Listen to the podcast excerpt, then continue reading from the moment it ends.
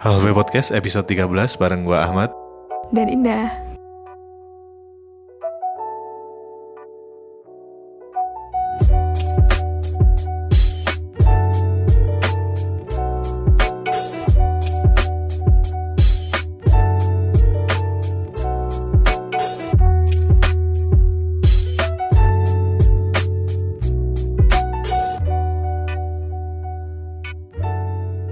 Ya, menyambung episode kemarin yang berhenti di tengah jalan Iya, siapa tuh suka berhenti tengah jalan? sesuai namanya halfway. Iya, setengah-setengah. Iya, maaf ya guys, kita bahasnya setengah-setengah. Jadi kemarin kita bahas apa tuh? Komunikasi. Enggak, itu kan temanya. Oh, iya. Maksudnya Aduh. tera- terakhir sampai bahas apa kemarin? Oh, aduh ketahuan nih aku nggak dengerin. Bahas tentang asumsi. Oke, oh, Ya. tentang tentang bahaya asumsi. Tentang bagaimana cara supaya tidak berasumsi. Tuh kan kamu juga lupa kan? Parah emang. apa? Tentang ya peran asumsi dalam komunikasi itu kayak gimana gitu. Oke. Oke, sebelum kita lanjutin, Hah? kita mau baca curhatan nih. Oke, ada teman kita, ada sahabat Will Enjoy yang kirim cerita ke kita. Iya, via DM Instagram. Oke, silahkan Kak Indah buat bacain. Jadi sekarang beda ya. Biasanya kemarin rekam sendiri, dikiri eh kalian dengerin dari rekaman dia sendiri gitu. Hah. Tapi sekarang rekamannya dari aku. Jangan kecewa ya guys.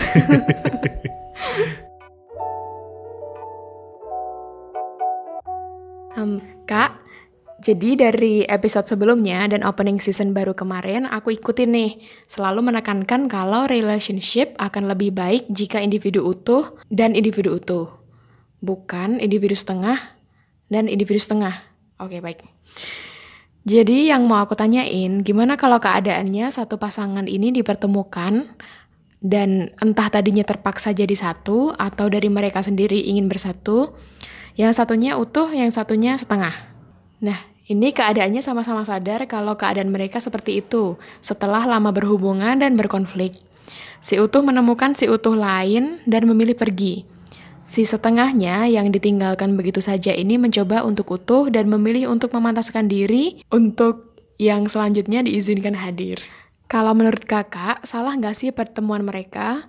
Apakah karena mereka beda dan secara emosional masing-masing itu beda, jadi mereka sebaiknya berpisah? Dan saran kakak dong dalam mengakhiri suatu hubungan itu, apakah dengan memblok semua akses mereka berkomunikasi itu apakah baik? Atau tadinya kalau dibiasakan bertemu juga, masing-masingnya malah akan sadar diri dan lebih belajar menghargai masing-masing lagi? Bahkan masih bisa ke fase tolong-menolong di masa depannya. Atau gimana dong sarannya kak? Terus ada tambahan lagi, jadi yang si utuh dan setengah ini tadinya teman dekat dan akhirnya memutuskan untuk pacaran. Terus yang si utuh ini adalah orang yang memblok akses komunikasi. Gitu. Oke, baik. Oke, itu tadi cerita dari teman kita. Ya, terima kasih. Oh ya, tadi perempuan ya yang ngirim ya. Nah, sebelumnya kita ucapkan terima kasih udah ngirim cerita ke Halfway Podcast ya. Mm-mm. Gimana kak menurut lo kak? Wah, melempar-lempar dia. Kan aku yang bacain, kamu jawab lah. Oke. Eh, beberapa poin yang kita garis bawah di sini yang pertama. Oke, jadi kesimpulan dari cerita itu, semoga tidak salah untuk menyimpulkan ya. Ah, Kalau salah ya bagian dari manusia biasa. Jadi tadi eh, disebutkan dari kakak itu cerita bahwa ada dua individu nih, satunya utuh, satunya setengah, yang mereka itu menjalin hubungan gitu. Kemudian sering berjalannya waktu, setelah berkonflik dan lama menjalin hubungan itu, kayak yang utuh itu menemukan si utuh lain gitu ya hmm, dan yang setengah ini berusaha untuk memantaskan dirinya gitu. Jadi intinya udah putus gitu ya. hmm. Terus yang pertanyaannya itu salah nggak sih pertemuan mereka gitu? Terus apakah itu tuh emang sebaiknya berpisah atau gimana gitu? Hmm. Karena tadi bilangnya satunya utuh satunya setengah gitu. Oke. Terus sama eh, kan yang utuh ini ngeblok komunikasi. Hmm. Nah, apakah baik ketika komunikasi itu diblok gitu? Atau sebenarnya tuh kan bisa aja tuh membiasakan diri untuk bertemu, kan nanti lama-lama juga saling belajar masing-masing. Hmm. gitu. Terus bisa saling bermanfaat lagi atau apa tadi di kalimat terakhir tadi? Saling tolong menolong di masa depan. Ah, Nah oke. itu pertanyaannya salah nggak sih pertemuan mereka sama apakah baik ngeblok akses komunikasi? Oke, gue mau jawab yang pertama tadi. Yang salah nggak pertemuan itu ya? Oke, Menurut gue nggak ada yang salah di dunia ini. salah Baik. dan benar itu cuma perspektif ya. oke. Gimana tuh? Ya apa ya? Pasti ada maksud sih dari dari Tuhan kenapa Dipertemukan. mempertemukan eh, kenapa mempertemukan mereka. Eh, ini kita nggak tahu ya. Itu ceritanya dia sendiri atau temennya atau saudaranya kita nggak tahu. Oke gitu ya. Itu yang kita nggak tahu ya. Mm-mm. Jadi untuk mereka aja, eh pasti di dunia ini nggak ada yang sia-sia kayak yang biasanya lu bilang tuh kak. Oh my God. Apa pun pasti ada manfaatnya kalau kita bisa ngambil gitu kan. Iya, asalkan kita bisa memaknainya gitu ya. Ha-ha. Dan setiap kejadian itu, men- meskipun menurut kita itu sebuah kesalahan, bisa jadi itu sebuah menjadi sebuah batu loncatan untuk kita menjadi diri kita yang lebih baik kan. Mm-mm. Bener banget tuh. Jadi tanpa batu loncatan itu ya kita benar-benar nggak bisa loncat gitu loh. Iya. Kalau menurut gua gitu sih. Menurut lu gimana kak? Oke, jadi emang nggak ada yang salah dalam setiap kejadian yang terjadi gitu. Hmm, tinggal kita memaknainya aja gimana kan? Tergantung bagaimana cara kita memaknai.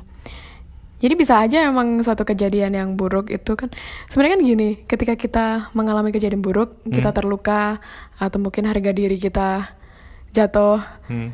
itu kan kayak ya emang butuh proses untuk kita menerima gitu kan. Ha-ha. Eh, Nah. itu kayak kayak katanya Alfred Alfred di film Batman nonton nggak? Kenapa kita terjatuh? enggak lihat. Apa? Supaya kita belajar untuk bangkit. Nah, itu dia. Nah, ya kan? Ya. Ya mungkin ketika kita menganggap suatu pertemuan itu salah, misalnya nih ya, kita menganggap suatu pertemuan itu salah, Hmm.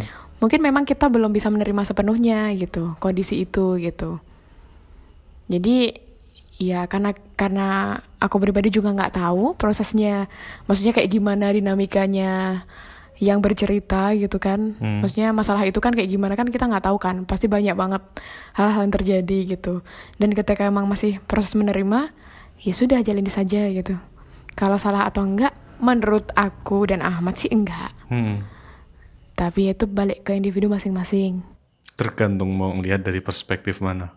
Ya gitu.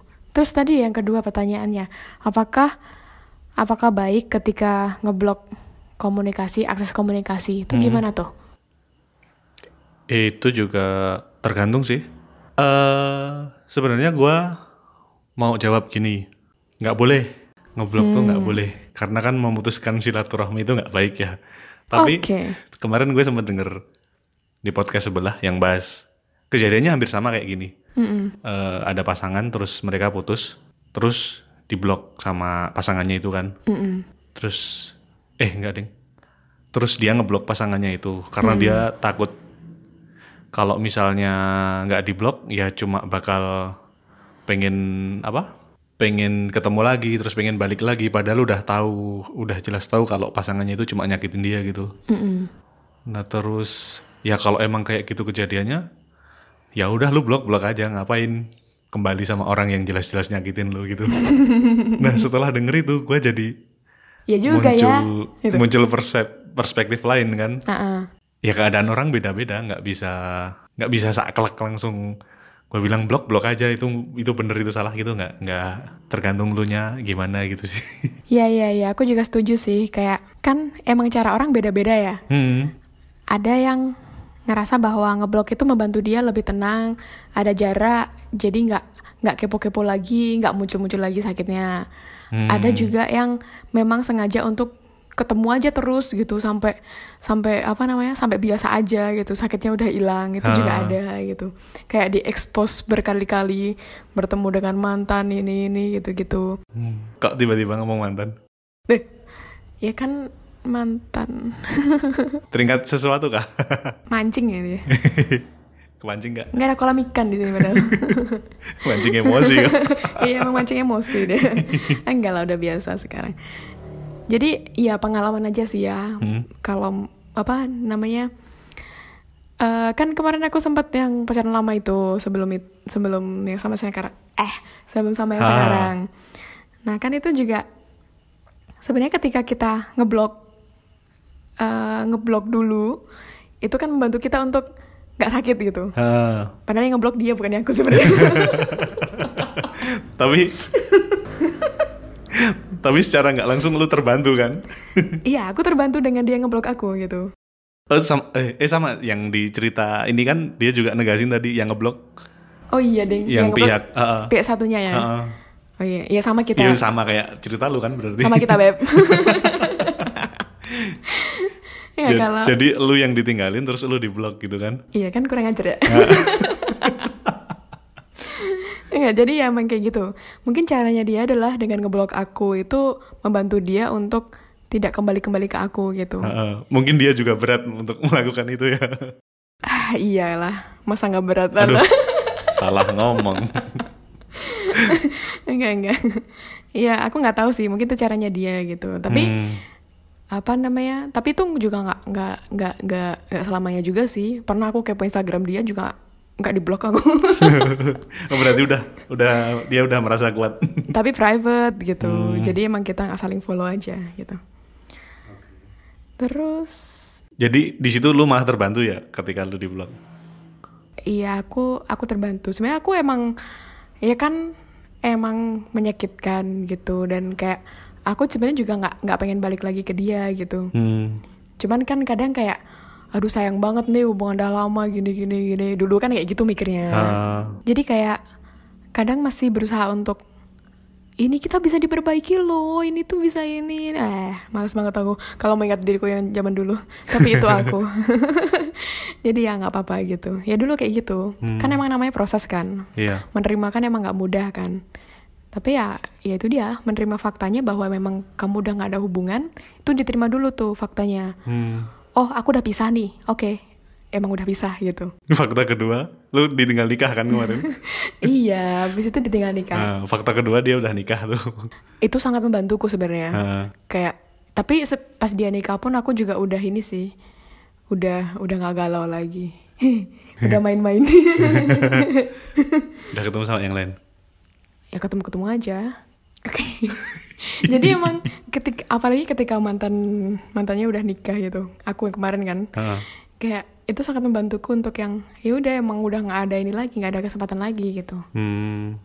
jadi ya yang diusahakan zaman dulu itu ya emang mau nggak mau ya kamu kamu emang harus bukan harus ya emang emang diajarkan untuk perlu ikhlas gitu lah. Ya, tapi misal belum nikah nih gimana kak? Lu kemarin misalnya apanya? waktu ditinggalin itu posisinya nggak mau nikah. Sampai sekarang belum nikah misalnya. ah ah. ya mau lah aku. Kenapa nggak mau nikah? Enggak, maksudnya lu masih ada harapan memperbaiki nggak kayak gitu? kalau sekarang? Ha. ya enggak lah ngapain? Kalau sekarang tapi misalnya dia nggak nikah, belum nikah Oh, dia, enggak juga. Nggak juga, enggak. Karena? Karena aku merasa tidak menjadi diriku sendiri ketika sama dia. Allah dan mungkin dia juga merasakan hal yang sama kali ya. Dia Ah. nggak bisa menjadi diri sendiri ketika sama aku gitu. Jadi kayak ya aku merasa emang udah nggak emang nggak jodoh aja gitu. Kalau udah nggak jodoh nggak usah dipaksain gitu. kalau aku sih iya. Ha-ha. Berarti jadi gampang ini dong ganti-ganti pasangan dong. ya nggak juga. Kita tuh bisa aku nggak tahu sih ya. Tapi aku ngerasa kita pasti bisa ngerasain kok mana yang mana yang bener-bener oh ini aku klik sama dia. Mana yang oh Cuma lewat aja gitu ya. kayak ada sesuatu yang ada yang nggak pas gitu Hmm. menurutku sih tetap tetap bisa kok ngerasain itu gitu karena sebenarnya dari dulu pas aku jalin hubungan sama dia pun kayak ada sesuatu yang nggak pas aku sadar ada sesuatu yang nggak pas tapi aku nggak tahu itu apa dan kenapa yang bikin aku bertahan kan ini malah jadi curhatku banyak banget nih Hmm, Bertahan atau udahan? ini kenapa aku pengen bertahan kan karena aku merasa dia fulfill something yang hilang dari aku gitu Hmm. kayak aku merasa terbantu dengan dia gitu merasa nyaman gitu tapi sebenarnya nggak nyaman gitu apalah nggak gitu maksudnya ya kalau ada sesuatu yang nggak beres pasti bisa ngerasain sendiri ya. Iya.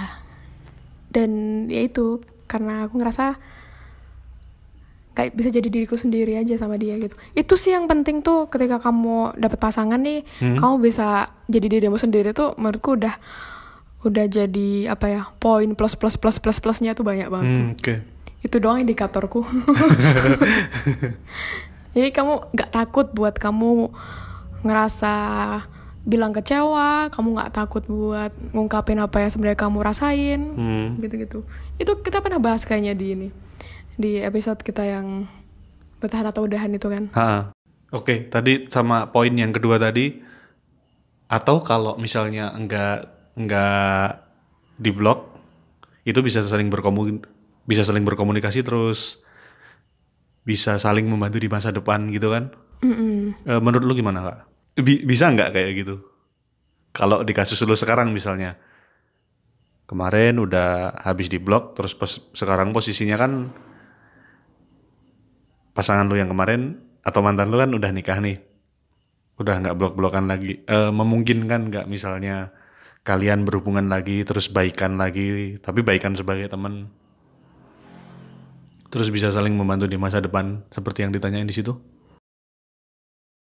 Kalau aku ya tergantung apa kebutuhannya gitu. Kalau misalnya aku nih dengan posisiku sekarang nih, ha aku mau hubungi dia lagi untuk baik-baikan, ya ngapain gitu, udah selesai gitu. Hmm. Kalau aku ya, ha maksudnya nggak ada kebutuhan yang lain kecuali nih suatu saat apa tempat dia kerja kerja sama sama tempat aku kerja Ah, terus mau nggak mau satu jadi satu circle lagi gitu. itu kan profesional kan Ah. beda lagi kan maksudnya kalau hubungan personal menurutku ya tergantung kebutuhan kan kalau aku nggak ada butuh apa apa sama dia kecuali misalnya bukuku masih dibawa dia gitu kayak aku minta bukuku lagi ya itu Itu dihubungin ya berarti ya. ya itu baru menghubungi tapi kan in- tergantung niatnya gitu Ah, ah, benar. benar. niatnya apa sih mau mau ini hubungin dia lagi gitu Hmm. kalau niatnya mau butuh dia untuk minta maaf atau butuh dia untuk mengakui atau apa Yang gitu, penting nggak usah ya. ya kalau emang itu mengganggumu ya sampaikan aja aku Ah. butuh minta maaf dari kamu gitu gitu tapi kalau ya kalau aku sih bodoh amat udah kayak ya ngapain gitu berhubungan lagi kalau nggak Ah. ada satu hal Oke. ya kecuali dalam hal profesional sih kalau aku sih kayak gitu Hmm. Tapi misalnya lu dalam lingkungan yang sama nih, misalnya eh, satu temen satu kampung gitu. Hmm. Terus mau nggak mau kan tetap ketemu nih, Ah. bakalan ketemu nih. Itu mending gimana? Iya nggak apa-apa. Kan kalau emang udah selesai ya selesai kan. Ah, Jadi ya oke-oke aja. Oke, jadi tergantung kebutuhan ya. Iya. Tergantung iya tergantung kebutuhan dan niatnya. Hmm. Kalau niatnya emang menghubungi untuk ya apalah, mau untuk apalah mengungkit gitu. masa lalu mending nggak Ya, usah ya. ngapain wong udah selesai gitu. Intinya ada batasan bahwa kamu udah selesai gitu. Oke. Jangan sampai jadi orang ketiga lah ya. Nah, itu.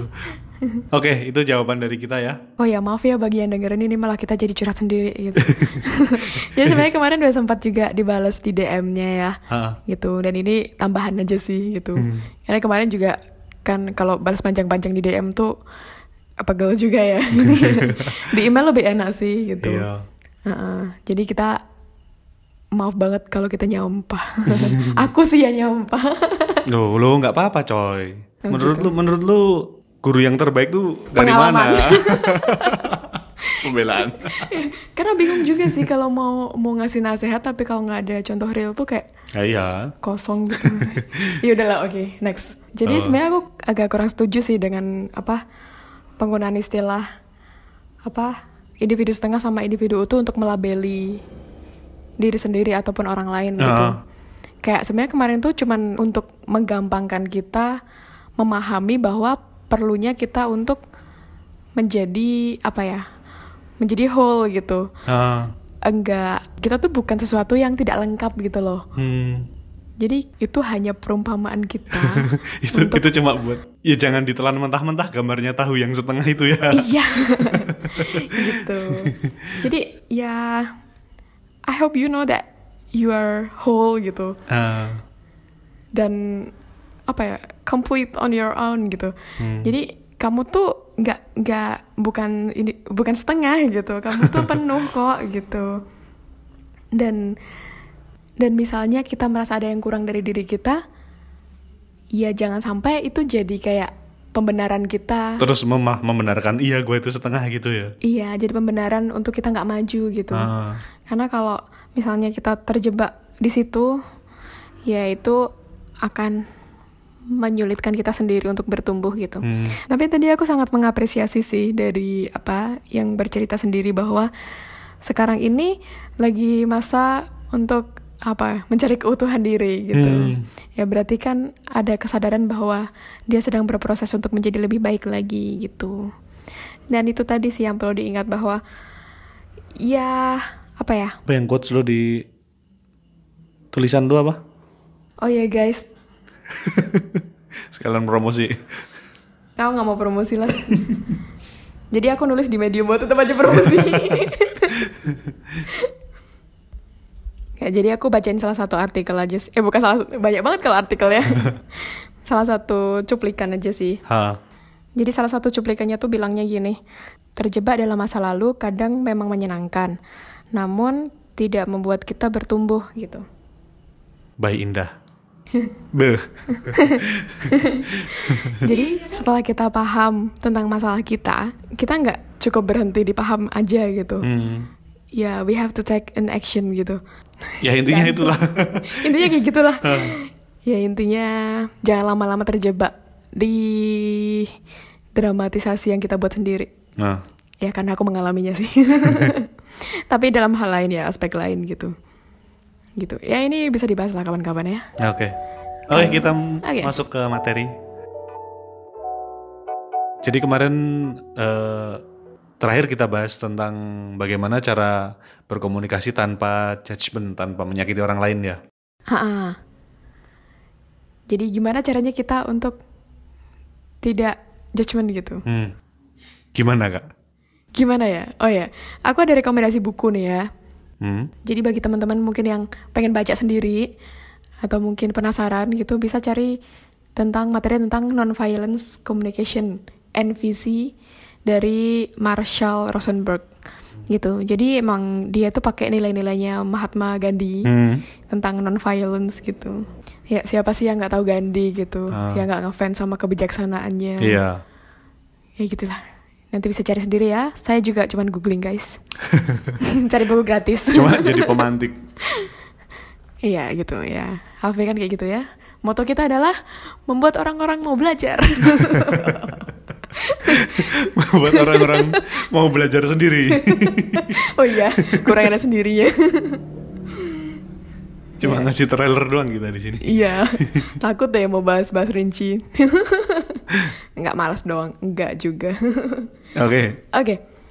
Jadi kalau dari apa namanya? Dari Rosenberg sendiri, dia tuh kayak ada step-stepnya, langkah-langkahnya. Hmm. Gimana caranya kita tuh kalau komunikasi tuh nggak judgment, nggak menyakiti orang lain. Yang pertama, observation. Jadi kita mengobservasi tanpa melakukan evaluasi itu gimana? Jadi kita perlu bedain tuh loh, kita Hmm. observasi atau evaluasi. Nah, contohnya mungkin gini, eh, lu yang LDR nih, ya kan? Ya aku lagi ya. Eh, mau ketemu nggak jadi. Katanya kemarin mau pulang ke Jogja tapi nggak jadi. Pulang, rumahnya dia di mana? Di aku. Oke, next. Terus lu udah marah-marah sendiri. Astaga, kamu iya? tuh paling, kamu tuh udah nggak sayang sama aku, udah nggak mau ketemu sama aku gitu kan. Ya, itu contoh yang didramatisir ya, guys. Padahal aslinya lebih dramatis lagi. Enggak, aslinya. ya udah, nggak apa-apa. Iya, bisa itu. Jadi penggunaan kata-kata misalnya, kamu tuh selalu Hmm. always, never, ever, whenever gitu. Kayak kamu tuh selalu gini gini gini, kamu nggak pernah gini gini gini gini. Setiap kali pasti alala. Nah, aduh. Ya gitu gitulah. Ya gitu misalnya kamu tuh sibuk banget sih gitu. Kamu jarang jarang ke sini. Itu kan udah ada evaluasi bahwa kamu sibuk, kamu nggak pernah ke sini. Harusnya observasi dulu. Harusnya kan mengobservasi itu kan kayak ya kita apa melihat faktanya apa adanya tanpa ada embel-embel penilaian gitu. Jadi kayak misalnya kan aku bilangnya kamu tuh jarang banget ke sini gitu. Padahal Ah. dia tuh nggak ke sininya baru satu minggu gitu. Apa baru dua minggu gitu. Tapi kita udah mengambil kesimpulan bahwa Kayak udah. kamu tuh jarang Heeh, banget udah ke sini nggak pernah gitu. gitu kan. Iya, padahal dua minggu sekali dia pasti ke sini Ah. atau apa gitu. Jadi lebih baik ngomongnya ya kamu udah dua minggu nggak ke sini gitu atau Nah, it- gimana? itu lebih baik daripada ngomong kamu udah nggak pernah ke sini gitu. Ya itu kan gak enak kan didengerin gitu. Kayak lo pikir aku nggak pernah ke sana gitu gitu. Lo pikir ke sana nggak pakai duit? Tapi itu emang perlu latihan banget tuh. Aku tuh sampai sekarang tuh juga juga kadang-kadang tuh keceplosan gitu loh kayak iya. udah Iya sih soalnya rasanya rasanya nikmat gitu. gitu. nyalain orang lain tuh enak kan gitu. Nah itu sebenarnya enggak Nagih emang. karena kita sendiri kalau disalahin kan nggak mau kan. Iya. Gitu.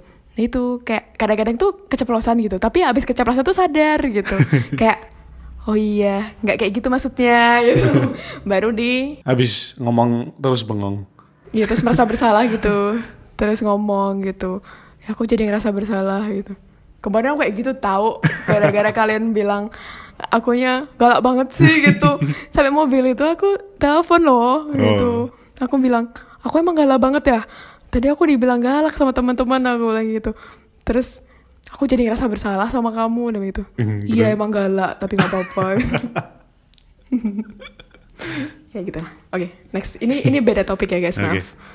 Oke, tadi yang pertama kan kita tentang observation ya. Nah. Jadi jadi mengobservasi tanpa memberikan evaluasi gitu penilaian.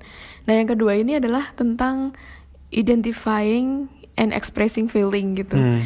Jadi bagaimana cara kita mengenali apa yang kita rasakan untuk memudahkan orang lain paham kita gitu. Misalnya kayak gua tuh ngerasa sendiri di dunia ini gitu kan. nggak ada yang mau nemenin gitu. Heeh. Padahal sebenarnya gua tuh lagi ngerasa sedih gitu kan.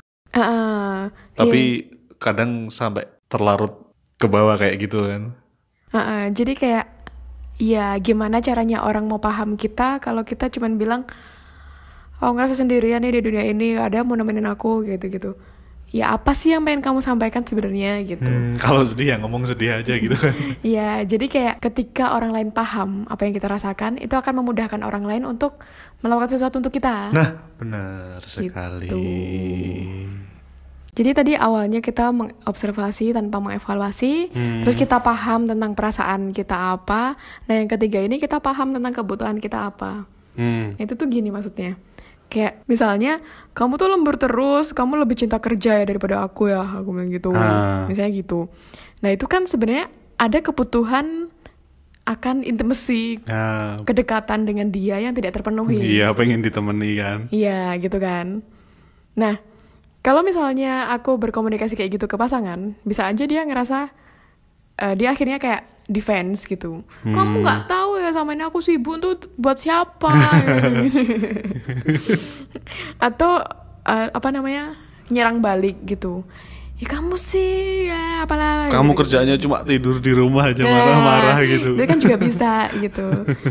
Jadi itu dia paham kebutuhan kita tuh apa sih di balik kata-kata kita itu apa gitu. Kan sebenarnya kita cuma butuh ditemenin kan. Hmm, ya udah ngomong aja pengen ditemenin gitu. Ah, ah, tapi ngomongnya kayak kamu tuh lebih cinta kerja ya daripada aku ya. Aduh, aduh. Kan? Oke, terus apa lagi kak setelah kita observasi, terus tahu perasaan kita, terus tahu kebutuhan kita, ada lagi? Yang terakhir itu setelah kita tahu semuanya, ya udah itu cara kita untuk berkomunikasi gitu. Kita membuat request gitu. Kayak misalnya tadi kan permasalahannya adalah kesibukan dia. Ah, Terus keinginan kita kan sebenarnya biar dia ada waktu hmm, gitu. Nah, berarti kan kita meminta dia untuk memberikan waktunya ke kita kan. hmm, Itu kan kita request kan. oke, Nah, tapi di sini yang perlu diperhatikan itu bedain antara meminta request itu sama menuntut gitu, demand gitu. ah, Kadang-kadang kan kita udah udah menyampaikan apa yang kita mau, tapi jatuhnya bukan meminta tolong, tapi jatuhnya nuntut, Nuntut, gitu. ah. Ya kamu tuh harusnya ada untuk aku gitu kan. Ah. Sebenarnya tuh kata-kata nuntut kan iya iya benar. gitu.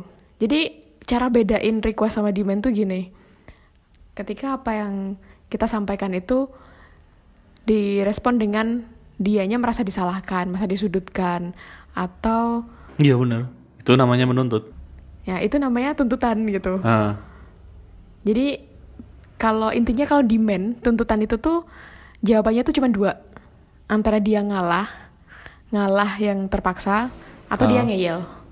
oh iya. Kalau apa yang kita sampaikan itu direspon dengan cara dia ngalah yang bener-bener ngalah tapi terpaksa atau dianya ngeyel, berarti apa yang kita sampaikan itu berupa tuntutan, Nah, bukan request gitu.